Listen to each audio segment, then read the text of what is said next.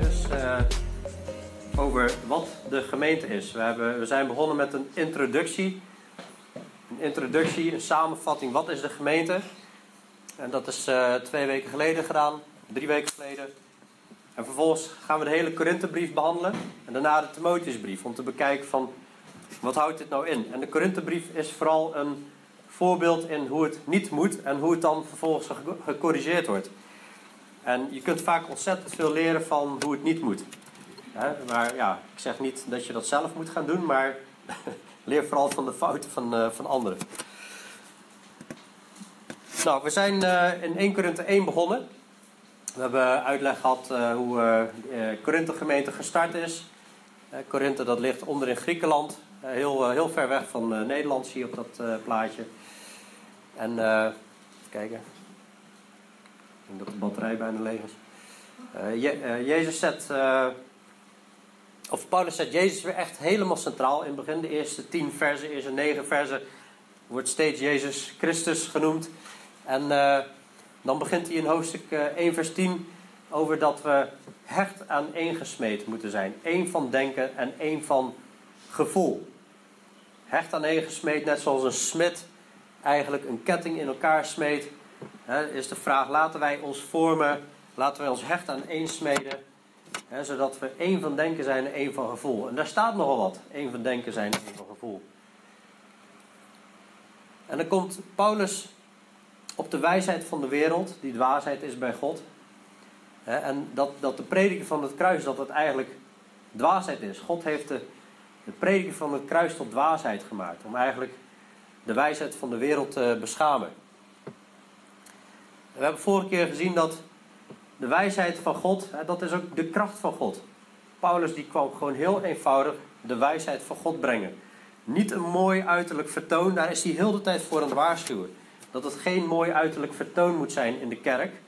Niet kijken naar, oh wie is de meest inspirerende spreker of wat voor show. Of vul het maar in.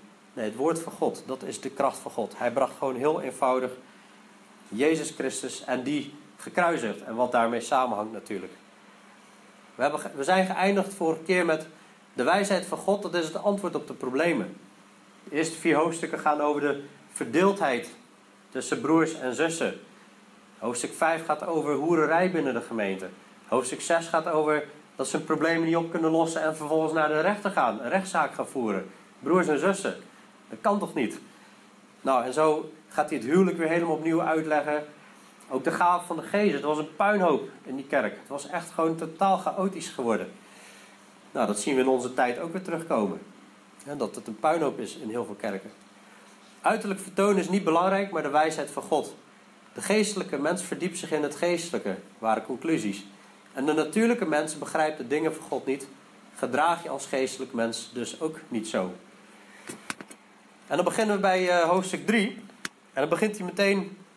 En ik, broeders, in hoofdstuk 3 vers 1, 1 Korinthe 3 vers 1.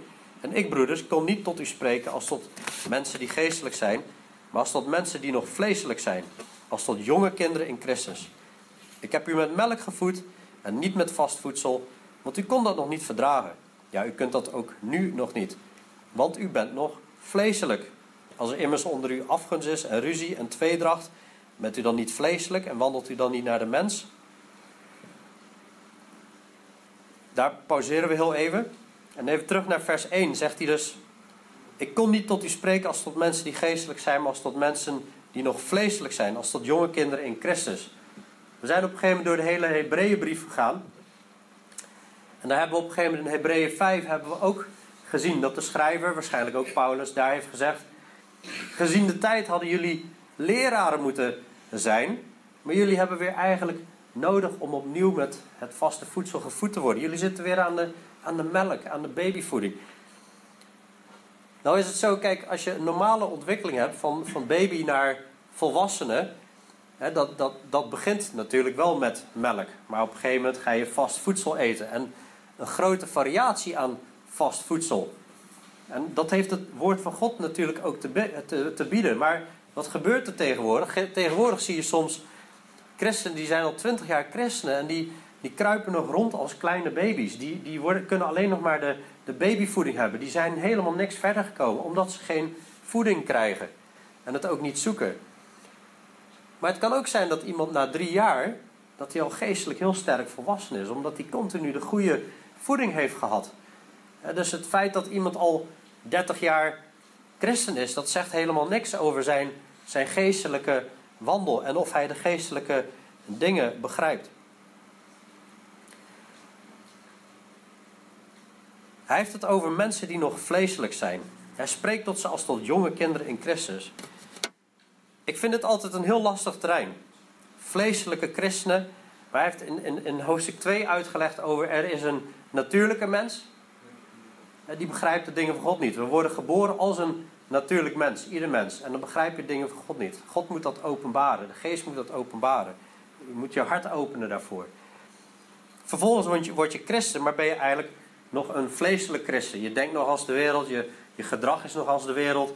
Je hoort je daarvan te bekeren, maar heel veel blijven daarin hangen. En hij spreekt tot hen als tot jonge kinderen in Christus. Deze gemeente was al een aantal jaren daarvoor was die gestart. Hij kon toen alleen maar tot ze spreken als tot jonge in, eh, kinderen in Christus, maar nu nog steeds. Jaren later nog steeds. Wat hebben ze al die jaren gedaan? Wat voor boodschappen hebben ze gehoord? Wat voor preken hebben ze gehoord? Waar zijn ze mee bezig geweest dat ze nog steeds jonge kinderen in Christus uh, zijn? Maar ik vind het altijd een lastig terrein, wat ik, wat ik net noemde. Als je vleeselijke christenen ziet, dat je soms begint te twijfelen van... is die persoon eigenlijk überhaupt wel christen? En als je met die persoon in gesprek gaat, blijkt dat ze daar zelf ook enorm over twijfelen. Want als jij geen vrucht ziet bij jezelf, ja, dan zou ik ook gaan twijfelen. Ik heb die fase ook gehad in mijn christelijk leven. In het begin van ons huwelijk, dat we met de Bijbel dicht leefden. En, en je ziet geen vrucht bij jezelf. En dan twijfel je wel eens, ben ik eigenlijk wel kind van God? En dat is een terechte twijfel, vind ik. En Jezus heeft natuurlijk ook de gelijkenis gegeven van de zaaier. Hè, waarin je de vier gronden van het hart hebt. En er is maar één grond die vrucht draagt. Die, die, die godsvruchtig bezig is. En die andere gronden, die worden verstikt door de begeerte van het leven, de rijkdom, de zorgen. En een andere die, die heeft eigenlijk geen wortel in zichzelf. En als er verdrukking komt omwille van het woord, dan, dan, dan stopt het.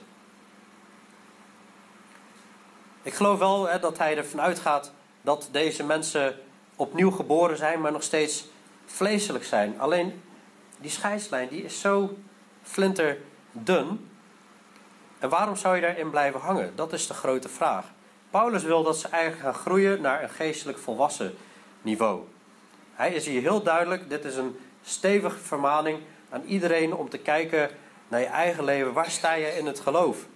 Ben je nog een jong kind in Christus of kun jij de geestelijke dingen begrijpen? De geestelijke mens, die vergelijkt geestelijke dingen met geestelijke dingen. Die is bezig met het woord van God uit te zoeken en schrift met schrift te vergelijken. En alles wat hij meemaakt in zijn leven te, naast het woord te leggen van Heer, wat, wat wilt u hiermee? En dus je ziet verschillende soorten christenen. En er zijn zelfs christenen in de Bijbel, of uh, mensen die zich christen noemen, maar die, uh, Paulus spreekt zelfs in 2 Korinthe 11, hebben we woensdagavond besproken, over handlangers van de Satan die zich veranderen in engelen van het licht. Dienaren van de Satan die rondlopen binnen de kerk, zeg maar. En ze doen zich voor als dienaren van gerechtigheid. Ook daar moet je voor oppassen.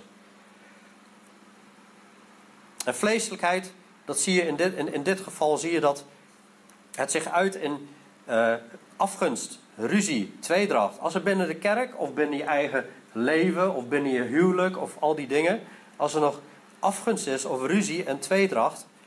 Hè, tweedracht, dat, dat, dat is dat, dat er eigenlijk splitsingen zijn. Hè, dat, je, dat je niet één bent, maar twee. Dat je groeperingen krijgt binnen de kerk. Dat is vleeselijk. En als dit nog aanwezig is in je, in, je, in je leven, afgunst, dat je de ander niks gunt eigenlijk. Oh, maar Jantje krijgt nou die positie in de gemeente. Oh, eigenlijk had ik daar wel willen staan. En gewoon het niet gunnen, zeg maar. Of de een boven de ander stellen. Hè? De een is van Apollos en de ander is van Paulus. Paulus zegt in hoofdstuk 3, vers 2: Ik heb u met melk gevoed en niet met vast voedsel, want u kon dat nog niet verdragen. Ja, u kunt dat ook nu nog niet, want u bent vleeselijk. Als er immers onder u afgunst is en ruzie en tweedracht, bent u dan niet vleeselijk en wandelt u dan niet naar de mens? En wandelen naar de mens is wandelen naar de wereld. Is er onderscheid te zien in jouw leven tussen de wereld en hoe het zou moeten zijn? Wandelen wij naar de mens of wandelen wij naar de geest? Het, de vlees, het vlees strijdt tegen de geest in, zegt Gelaten 5. En dan zie je een hele rij met wat eigenlijk het vlees, de werk van het vlees zijn in Gelaten 5. En uh, wat de vrucht van de geest is.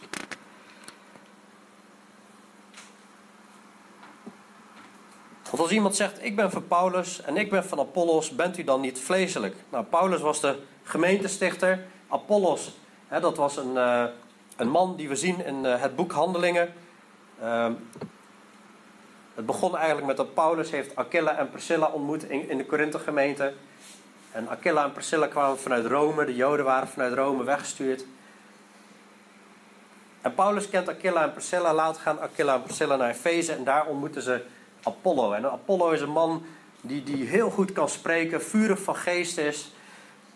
Maar die gelooft nog in de doop van Johannes de Doper. En dan leggen Aquila en Priscilla die weg nauwkeuriger uit van Jezus en de opstanding. En dat neemt hij aan. En dan gaat hij daarin krachtig de Joden bestrijden in het openbaar. Het was, het was een hele goede spreker. En daardoor is er verdeeldheid ontstaan.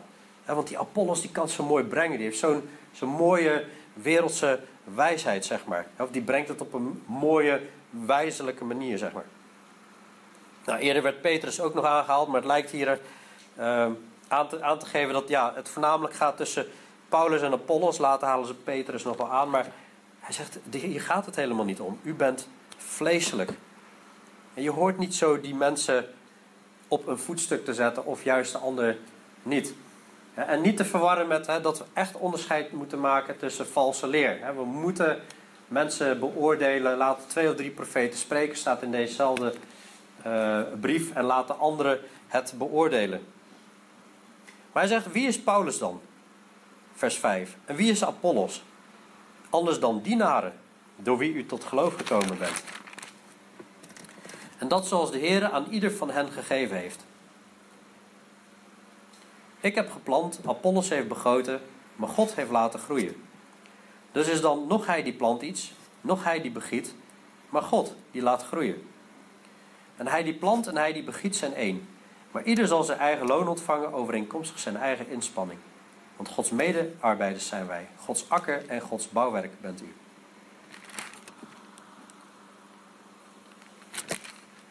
Dus ja, de een die, uh, die plant een zaadje. En de ander die begiet. Nou, we hebben uh, zo'n moestuin achter in de tuin. In Albertijn had die actie en dan, uh, dan kun je moestuintjes planten. Maar het zou toch raar zijn als Joe op een gegeven moment het zaadje plant. Rebecca gaat heel de tijd begieten, dat doet ze ook heel veel. En dat, en dat ik dan ga zeggen: Ja, maar ik, ik, ik vind toch wel echt heel mooi wat Joe heeft gedaan. Want hij heeft eigenlijk toch wel ja, het zaadje geplant. Dus het is eigenlijk zijn, uh, zijn werk. de eer komt aan Joe toe. En dat neefje zei: Nee, maar mama heeft heel de tijd begoten. Dus uh, het is haar werk, zij heeft dat gedaan. Dat is natuurlijk toch dwaasheid, want God heeft Rebecca gemaakt, God heeft Josai gemaakt, God heeft de zaadjes gemaakt, God heeft water gegeven en God laat planten groeien. En zo is met dit natuurlijk ook. Wie heeft Apollos gemaakt? Wie heeft Paulus gemaakt? Wie, wie, wie roept mensen vanuit de duisternis naar het licht? Wie zet mensen op een bepaalde plek neer? Wie geeft de gaven van de geest? Dat is toch allemaal God? God heeft laten groeien. Alle eer is aan God. Dus we horen daar geen onderscheid in te maken. Dus, vers 7, dus is nog hij die plant iets, nog hij die begiet, maar God die laat groeien. En hij die plant en hij die begiet, die zijn één. Dus ze hebben toch hetzelfde doel voor ogen. En dat de mensen tot geloof komen en dat de mensen geestelijk gaan groeien, als het goed is. Maar ieder zal zijn eigen loon ontvangen, overeenkomstig zijn eigen inspanning. En dit vind ik zo'n mooie bemoediging wat er staat. Hè? Ieder zal zijn eigen loon ontvangen overeenkomstig zijn eigen inspanning. Hier staat niet, ieder zal zijn eigen loon ontvangen overeenkomstig zijn eigen resultaten. Dat is wat we in de wereld zien. Hè? In de wereld ontvang je loon op basis van jouw resultaat. Bij de Heer ontvang jij loon op basis van je eigen inspanning. kan best zijn dat, dat de Heer Huis van God heeft geroepen om maar een, een gemeente te zijn met, met 50 man voor 40 jaar. Dat zou kunnen, hoop ik niet, want ja, ik hoop dat er veel meer mensen tot geloof gaan komen. En zou het dan zijn dat, dat wij minder loon ontvangen dan een, een kerk met, met 400 man? Daar gaat het helemaal niet om. Het gaat om de inspanning. Ben jij trouw geweest? Ben jij trouw geweest in de taak die, jou, die de Heer jou heeft gegeven? Want daar gaat hij zo op uitkomen. Ieder zal zijn eigen loon ontvangen overeenkomstig zijn eigen inspanning. Want je kunt een mooie kerk hebben met 400 man, maar helemaal niet in Gods weg wandelen, zeg maar. Hij zegt, Gods medearbeiders zijn wij. Gods akker en Gods bouwwerk bent u. We hebben een tijdje geleden die uh, preek gehad van uh, Stan. En dat ging over uh, de gemeente, zeg maar. Matthäus 16. dat Jezus bouwt de gemeente op de, op de rots, eigenlijk op, op, op de getuigenis van Petrus. Dat Petrus zegt, u bent de Christus, de Zoon van de levende God. En Jezus gaat zijn gemeente bouwen. Maar hij zei van ja, ik, ik, ik loop tegen het volgende aan. Jezus is er nu niet meer hier op aarde. Hij is naar de hemel gegaan. En hij heeft volgens die taak aan ons gegeven om de gemeente te bouwen. bouwen. En toen heeft hij dit vers aangehaald. Hij zegt, want Gods medearbeiders zijn wij. Wij zijn collega's van God. Dat klinkt heel raar om te zeggen. Maar medearbeider is een collega. Natuurlijk is hij God almachtig. Natuurlijk is Jezus hoofd van het lichaam. Maar we zijn ook collega's, we bouwen mee aan dat huis. Gods akker en Gods bouwwerk bent u. En dus hij gebruikt eigenlijk twee plaatjes. Eentje vanuit de landbouw, Gods akker zijn wij. In Matthäus 13 heeft Jezus heel veel gelijkenis gegeven. En dan gebruikt hij heel vaak de akker. En de akker is de, de wereld. En daarin heb je goede vruchten, slechte vruchten.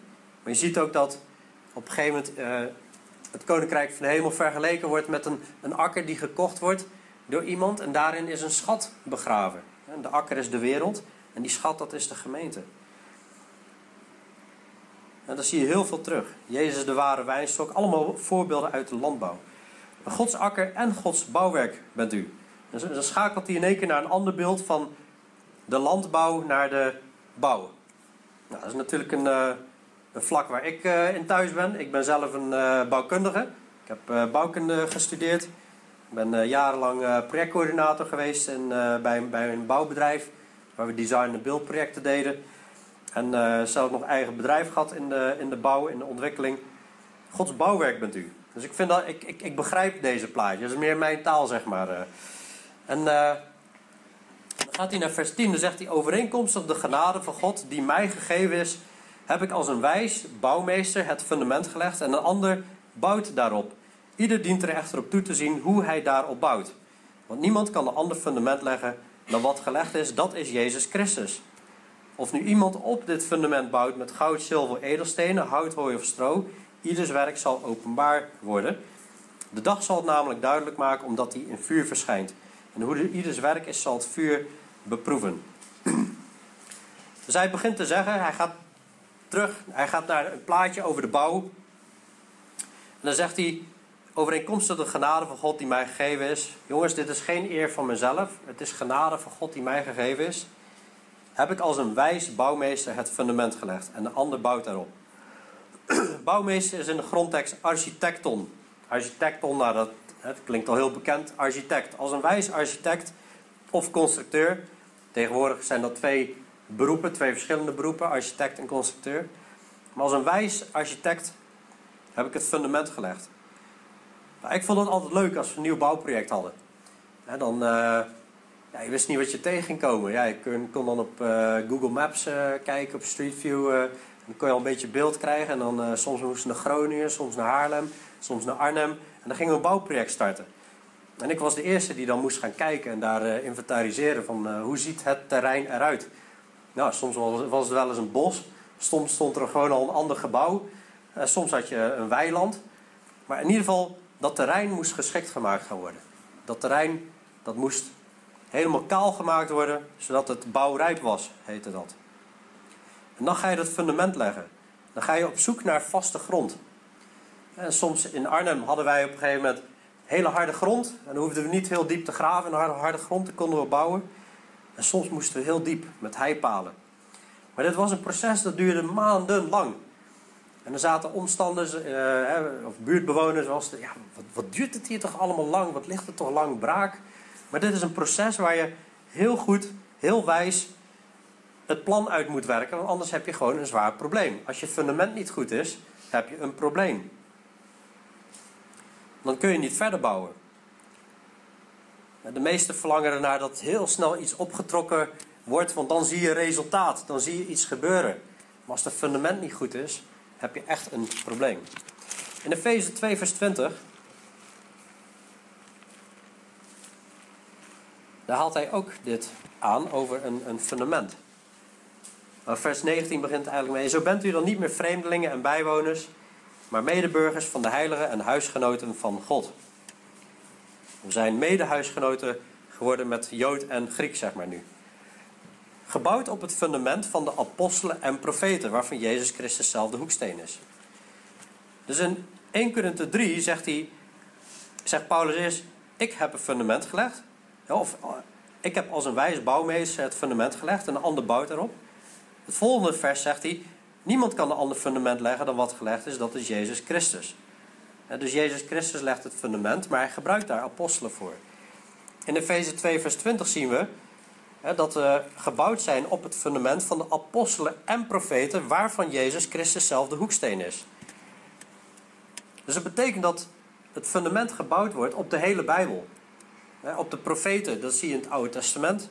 De apostelen, dat is het Nieuwe Testament. En Jezus Christus zelf is de, de hoeksteen, die staat centraal. Tegenwoordig bouwen we wat anders dan vroeger. Tegenwoordig kun je een tekening inladen in een total station, heet dat. En dan ga je naar de plaats en dan zet je het digitaal met uh, satelliet en navigatie zet je alles heel mooi uit. Maar vroeger bouwden ze met, uh, op andere manieren. En had je een, een hoeksteen, dat was een hele belangrijke steen. Dat bepaalde je maatvoering, dat was je uitgangspunt. En dat bepaalde hoe het gebouw verder gebouwd werd. En als er ergens verkeerd, verkeerde maatvoering was, moesten ze altijd terug naar die, die hoeksteen. Die hoeksteen, dat was het centrale punt.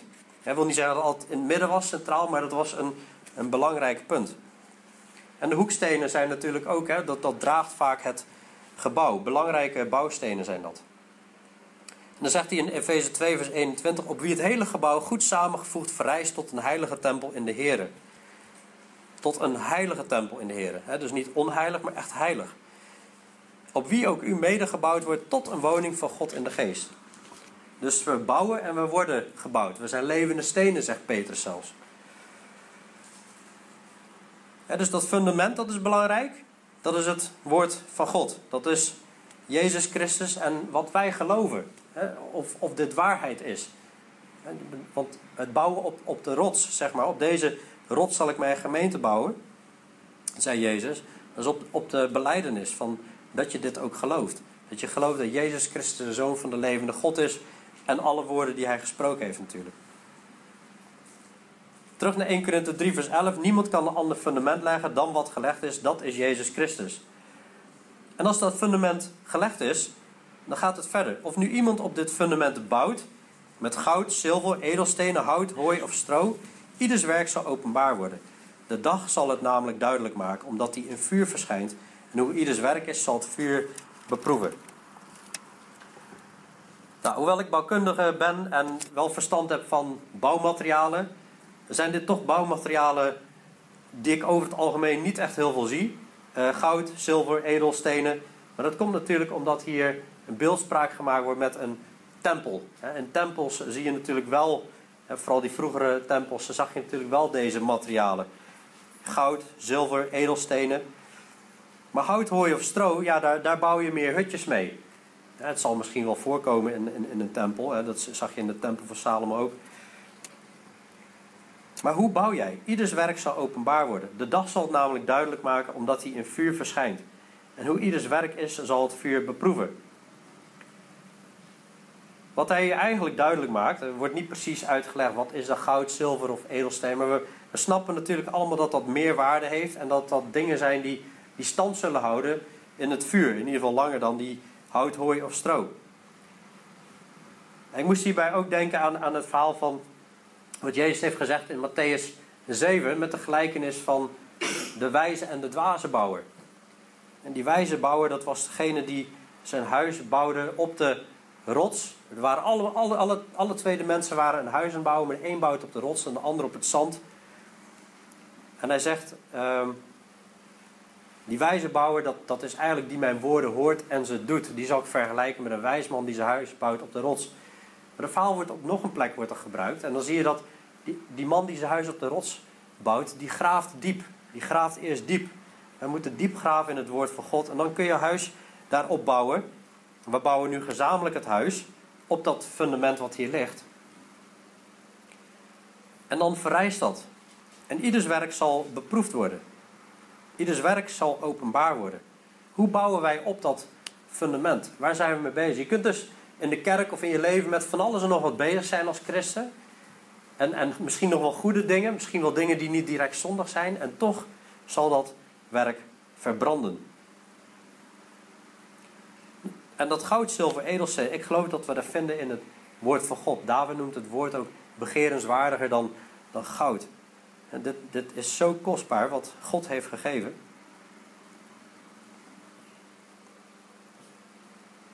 Ik geloof zelfs hè, dat, dat, dat je ook moet kijken, niet alleen maar naar de materialen, maar hoe bouw je. in, in de bouw, uh, nou ja, jij zit ook in de bouw, maar uh, we, we maakten wel eens mee dat iemand, uh, oh jij ook, dat iemand op de bouw komt en die heeft een ander bouwplan. Dat blijkt dan een verouderde tekening te zijn. En die hadden we dan wel naar hem toegestuurd, de nieuwe. Maar ja, hè, stress, druk, vergeten. En we hebben je meegemaakt dat iemand een hele wand gemetseld had. Maar ja, die stond toch echt tientallen centimeters verkeerd. En een centimeter kan heel erg cruciaal zijn in de bouw voor of iets blijft staan of niet. Dus die mensen hadden twee dagen gemetseld. En uh, ja goed, dan doet de uitvoerder ook niet helemaal zijn werk goed. Maar dat, dat los daarvan. Die muur die moest afgebroken worden. Want dat kan niet. En je moet altijd met hetzelfde bouwplan bouwen. Je kunt niet in de gemeente verschillende bouwplannen hebben. En wat bedoel ik daarmee? Er is maar één bouwplan, dat is het woord van God.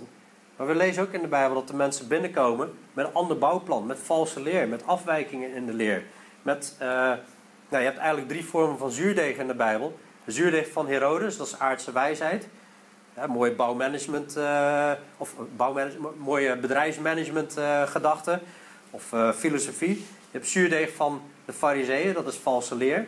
Afwijkingen in de leer, zeg maar.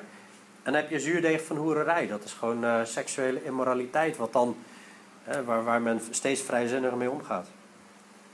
Het is belangrijk hoe we bouwen en dat we één bouwplan gebruiken. Ieders werk zal openbaar worden. De dag zal het namelijk duidelijk maken, omdat hij in vuur verschijnt. En hoe ieders werk is, zal het vuur beproeven. Vers 14, 15. Als iemands werk dat hij op het fundament gebouwd heeft stand houdt, zal hij loon ontvangen. Als iemands werk verbrandt, zal hij schade lijden. Hij zelf echter zal behouden worden, maar wel zo als door vuur heen.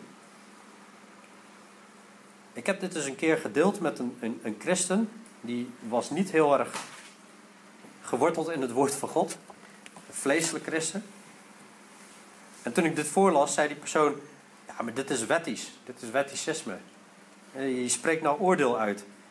Nee, dit is gewoon het woord van God. Het heeft niks met wetticisme te maken. Dit is het Nieuwe Testament. Als jij als christen naar het Oude Testament teruggaat, dat is wetticisme. Maar het Nieuwe Verbond heeft gewoon afspraken. Er staan ook gewoon dingen in. Die instructies en, en, en wijsheden uitleggen, dat heeft niks met wetticisme te maken. Als jij puur liefdeloos het woord van God gaat volgen, ja, dan heb je ook met wetticisme te maken. Maar dit is gewoon het woord van God. Dit is gewoon een gegeven, een feit, dat ieders werk, dat hij op het fundament gebouwd heeft, uh, als iemands werk dat hij op het fundament gebouwd heeft, uh, standhoudt, zal hij loon ontvangen. Uh, dus als je met goud, zilver of edelsteen hebt gebouwd. En als iemands werk verbrandt, dan zul je schade lijden. Hij zelf echter zal behouden worden, maar wel zo als door vuur heen. Er vergaden geen schatten hier op aarde, maar vergaden schatten in de hemel, zie je hier eigenlijk. En dan zegt hij, weet, u, weet u niet dat u Gods tempel bent en dat de geest van God in u woont? Als iemand de tempel van God te gronden richt, zal God hem te gronden richten. Want de tempel van God is heilig en deze tempel bent u. Vaak wordt, worden deze teksten op, een, op het individu toegepast. van, ja, je moet je lichaam niet verontreinigen. vaak wordt het op roken toegepast of andere dingen die niet direct in de Bijbel staan. bijvoorbeeld dronkenschap wordt natuurlijk afgekeurd in de, in de Bijbel. Maar ja, gebruik van crack of opium, dat staat niet letterlijk in de Bijbel. Dan worden dit soort teksten vaak aangehaald. Maar de directe uitleg gaat eigenlijk over de, uh, dat we gezamenlijk, gezamenlijk als gemeente, zijn we Gods tempel. En de geest van God woont in u, natuurlijk ook in de individu. Maar dat we deze tempel van God niet te gronden moeten richten. Als iemand de tempel van God te gronden richt, door die verdeeldheid, zoals hier eh, waar hier sprake van is, de verdeeldheid tussen Apollos en Paulus, uh, Apollo en Paulus, en dat men de een aanhangt of de ander, op die manier richt je de tempel van God te gronden. Als iemand de tempel van God te gronden richt, zal God hem te gronden richten, want de tempel van God is heilig. En deze tempel bent u. En dit is, dit is stevige taal, dit is harde taal. Maar dit is ook eerder gebeurd. Er zijn eerdere tempels geweest en die zijn vernietigd, want die zijn ontheiligd door het volk van God, door de Joden, door Israël. En wij zijn de tempel van God nu. Dus zoiets moois wat er gebeurt. We zijn niet meer een aardse tempel, maar een levende tempel. En die moeten we niet te gronden richten. In 1 Thessalonicense 4 staat op een gegeven moment dat Paulus zegt: Laat niemand zijn broeder vertreden Laat niemand over zijn broeder heen lopen, want de Heer is een wreker over deze dingen. Dat is best wel stevige taal. En dit is zo heilig. Ja, wij zien natuurlijk alleen maar gezichten en, en, en mensen. Maar God ziet dit als zijn, zijn tempel, die hij volledig heilig wil hebben. Daarom is het ook belangrijk om heilig te wandelen, om puur en rein te wandelen. Anders verontreinig je het lichaam. En als we verdeeldheid hebben, afgunst, ruzie maken, dan richten we de tempel van God te gronden. Helaas hebben mijn vrouw en ik dit soort dingen meegemaakt in, het, in, in, in de gemeente. Dat men, mensen echt bezig zijn gewoon de gemeente te gronden te richten. Kapot te maken. Ik denk als je met uh, Aten Lidie spreekt dat die ook wel zo links en rechts wat dingen gezien hebben. Dat je denkt, jongens, jongens, hoe bestaat dit? Vleeselijke christenen die een gemeente gewoon kapot maken. Laat niemand zichzelf bedriegen. Als iemand onder u denkt dat hij wijs is in deze wereld, laat hij dwaas worden, opdat hij wijs zal worden. Want de wijsheid van deze wereld is dwaasheid bij God. Want er staat geschreven, hij vangt de wijzen in hun sluwheid. En opnieuw, de Heer kent de overwegingen van de wijzen dat zij zinloos zijn. Volgens mij is dit de derde keer dat, dat hij weer hierop terugkomt. Op die, die wijsheid van die wereld hoe dwaas hij eigenlijk is. Als iemand onder u denkt dat hij wijs is in deze wereld, laat hij dwaas worden. Als jij denkt verstand te hebben van wetenschap, als jij denkt verstand te hebben van psychologie, van pedagogie, wat voor aardse wijsheid dan ook, en je denkt daarin wijs te, zijn, of je hebt de status en je denkt daardoor iets te betekenen, laat hij dwaas worden, opdat hij wijs zal worden. In hoofdstuk 1 vers 21 hadden we dat ook al gezien. Hè? Omdat in de wijsheid van God de wereld door haar wijsheid God niet heeft leren kennen, heeft het God behaagd door de dwaasheid van de prediking zalig te maken hen die geloven. Door, door die wijsheid van de wereld hebben ze God niet leren kennen. En dat is ook de wijsheid van God. We moeten dwaas worden in, in de ogen van, van mensen. In de ogen van mensen is de hele prediking van het kruis is gewoon totale dwaasheid natuurlijk. Eh, jullie leider is gestorven aan het kruis, kon zichzelf niet eens redden. Wat is dit nou voor dwaasheid? Maar het is een enorme rijkdom, hebben we eerder al bij stilgestaan. Maar hij ziet toch echt wel op aan het hameren, merkte ik in de voorbereiding. Ik denk van ja, voor de zoveelste keer is hij aan het waarschuwen. Pas op in de kerk, pas op in de kerk, in de gemeente van God dat het niet om uiterlijk vertoon draait. om inspirerende sprekers, om uh, mooie praat, om uh, mooie lichtshows, om mooie lezers, om weet ik veel wat allemaal. Kan zelfs een mooi orgel zijn, hè? ook oude tradities, nieuwe tradities. Ik zeg niet dat een orgel verkeerd is, of uh, mensen die een mooi theologisch verhaal houden in een, in een mooi pak, dat is allemaal niet verkeerd. Maar als jij vindt dat het daarom draait, dat dat oh zo belangrijk is, dan zit je ernaast. Als iemand onder u denkt dat hij wijs in deze wereld, uh, als iemand onder u denkt dat hij wijs is in deze wereld, laat hij dwaas worden, opdat hij wijs zal worden. Want de wijsheid van deze wereld is dwaasheid bij God. Want er staat geschreven, hij vangt de wijze in hun sluwheid. Ook dit is weer een tekst uit het Oude Testament, uit het boek Job. We zien zoveel in het Nieuwe Testament wat gebouwd is op het Oude Testament. Het fundament is de apostelen en de profeten.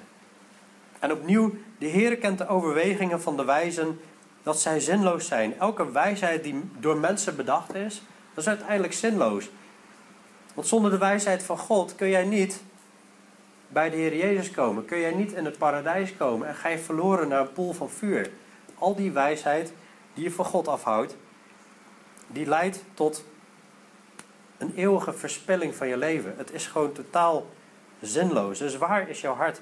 Heb je je volledig aan de Heer toegewijd om Hem te dienen, om Hem te volgen, om je volledig in te gaan zetten voor Zijn koninkrijk? Ja, binnen de gemeente, buiten de gemeente, dat alles centraal staat om Hem. Dat alles draait om Jezus. Laat daarom niemand roemen in mensen, vers 21, want alles is van u. Een beetje aparte zin, maar alles is van u geloof van ja. Het is niet per se dat wij bij iemand horen, maar zij horen juist bij ons. Alles is ons gegeven. Het zij Paulus, vers 22, het zij Apollos, het zij Kefas, dat is Petrus. Het zij de wereld, het zij leven. Het gaat natuurlijk om het leven met Christus en niet losbandig leven. Het zij de dood, het zij tegenwoordige dingen, het zij toekomstige dingen. Alles is u gegeven. Zelfs de dood, want de dood, als dat in werking treedt bij ons, dan ontvangen we het eeuwige leven. Alles is ons gegeven. Alles is van u. Het lijkt hier alsof hij wil zeggen: alle dingen dienen Christus dienaren. We lezen zelfs in 1 Petrus 1 dat de, de, de profeten niet zichzelf dienden, maar dat zij ons dienden. Die, die eeuwen voor ons hebben geleefd, die dienden ons. We zien zelfs dat de engelen, dat zijn dienende geesten, die dienen ons. Het is echt onbegrijpelijk in wat voor tijd wij nu leven. We beseffen gewoon half niet wat Christus ons gegeven heeft. Dat alles ten dienste is van ons. U echter bent van Christus, vers 23, en Christus is van God. En als wij van Christus zijn en Christus van God, dan sluiten we geen mensen buiten. En dan gaan we niet verdeeld zijn in de gemeente. Dat is eigenlijk de boodschap. Nou, het was natuurlijk weer best even wat informatie, maar ik ga even samenvatten. En de kernpunten zijn eigenlijk: geestelijke groei is noodzakelijk om vast voedsel aan te kunnen. Om het woord van God, de wijsheid van God ten volle te kunnen begrijpen. En door met het woord van God bezig te zijn, ga je het woord van God beter leren begrijpen. Ik begrijp het nu al beter dan tien jaar geleden, omdat ik er intensief mee bezig ben geweest. Maar er was ook een tijd dat ik heel veel dingen niet begreep. Maar zo groeien. We bouwen gezamenlijk aan dat huis, aan het huis van God. Tussen haakjes, als het goed is. En dat is wel de oproep, hè, dat we allemaal bouwen aan het huis van God. En daar komen we later op uit dat de Heer allemaal verschillende gaven heeft gegeven binnen de gemeente. Het is niet zo dat de voorganger bouwt het huis, of de voorgangers of de ouderlingen. We bouwen gezamenlijk het huis. En natuurlijk hebben die in eerste instantie wel een hele grote verantwoordelijkheid. Maar iedereen heeft een taak gegeven binnen dat huis. En en die taken zijn allemaal belangrijk. Wordt er op het juiste fundament gebouwd? Er is maar één fundament dat gelegd is. Dat is Jezus Christus. En dat is gebouwd op de apostelen en de profeten en Jezus de hoeksteen. Ook op de woensdagavond hebben we ook gekeken naar 2 Korinthe 11 vers 4. Waarin je ziet van dat mensen zelfs een, een andere Jezus, een andere geest en een ander evangelie kunnen brengen. Zelfde woorden, maar met andere betekenis eraan. Wij moeten echt op het juiste fundament bouwen. En waarmee bouw je op het fundament? Met welke materialen? Met de dingen die God heeft gegeven of de dingen die jij fijn vindt om te doen. Of die jij denkt dat goed zijn. Zullen we bidden? Hemels Vader, Heer Jezus. Dank u wel voor uw uh, woord. Dank u wel voor uw wijsheid. Dank u wel dat u ons zo duidelijk uitlegt hoe we moeten bouwen. Op welk fundament we moeten bouwen. Wie het fundament is, dat bent u, Heer Jezus. We beleiden dat u de Christus bent, de Zoon van de levende God. Heer, ik wil u bidden, Heer, dat we allemaal ten volle het woord zullen volgen, ten volle uw wil zullen doen, Heer. Dat we al onze eigen gedachten en al onze eigen verlangens en begeerten, begeerten en, en zorgen, dat we die achter ons zullen laten en volledig ons vertrouwen op u stellen. Heer, u roept ons op om de Heere God lief te hebben met heel ons hart, met heel onze ziel, heel onze kracht en heel ons verstand. Wilt u ons helpen om u lief te hebben met 100% ons hart, 100% onze ziel, 100% onze kracht en 100% ons verstand en onze naast als onszelf. Heer, wilt u ook in deze gemeente die nog jong is, Heer, dat geven dat, dat we hecht aan één gesmeed mogen zijn. één van denken, één van gevoel. Dat hoe meer we het woord openen, dat hoe meer we inzicht zullen krijgen in uw wil. En zo met, met goud, zilver en edelstenen mogen bouwen. Wilt u alle hout, stro en, en, en uh, stoppels verwijderen uit ons leven, uit de gemeente. En geven dat we alleen maar puur uw tempel mogen bouwen. Heer, bescherm ons dat niemand de tempel van God te gronden zal richten. Verlos ons van de boze en van onze eigen halstarrigheid. Heer, en uh, dat we geven dat we volledig u mogen volgen. Heer, zodat uh, in deze gemeente u ten volle verheerlijk zal worden, Heer. En, en uw heerlijkheid hier aanwezig mag zijn. En, en dat onze blijdschap volkomen zal worden, zoals u in, Johannes 15 zegt. Als we in uw liefde zijn, in uw woorden zijn en die in acht nemen. Heer, we verlangen zo naar u, Heer. Naar uw aanwezigheid, naar uw liefde. Heer, en om, uw wil te doen. Heer, wilt u, wilt u ons snoeien waar nodig is. En uh, ik vraag zo om een uh, zegen over iedereen. Heer, dat uh, iedereen zich weer volledig zal toewijden aan u. Heer, en dat we ook deze week ja, elke dag weer u mogen verheerlijken. In Jezus' naam. Amen. Amen.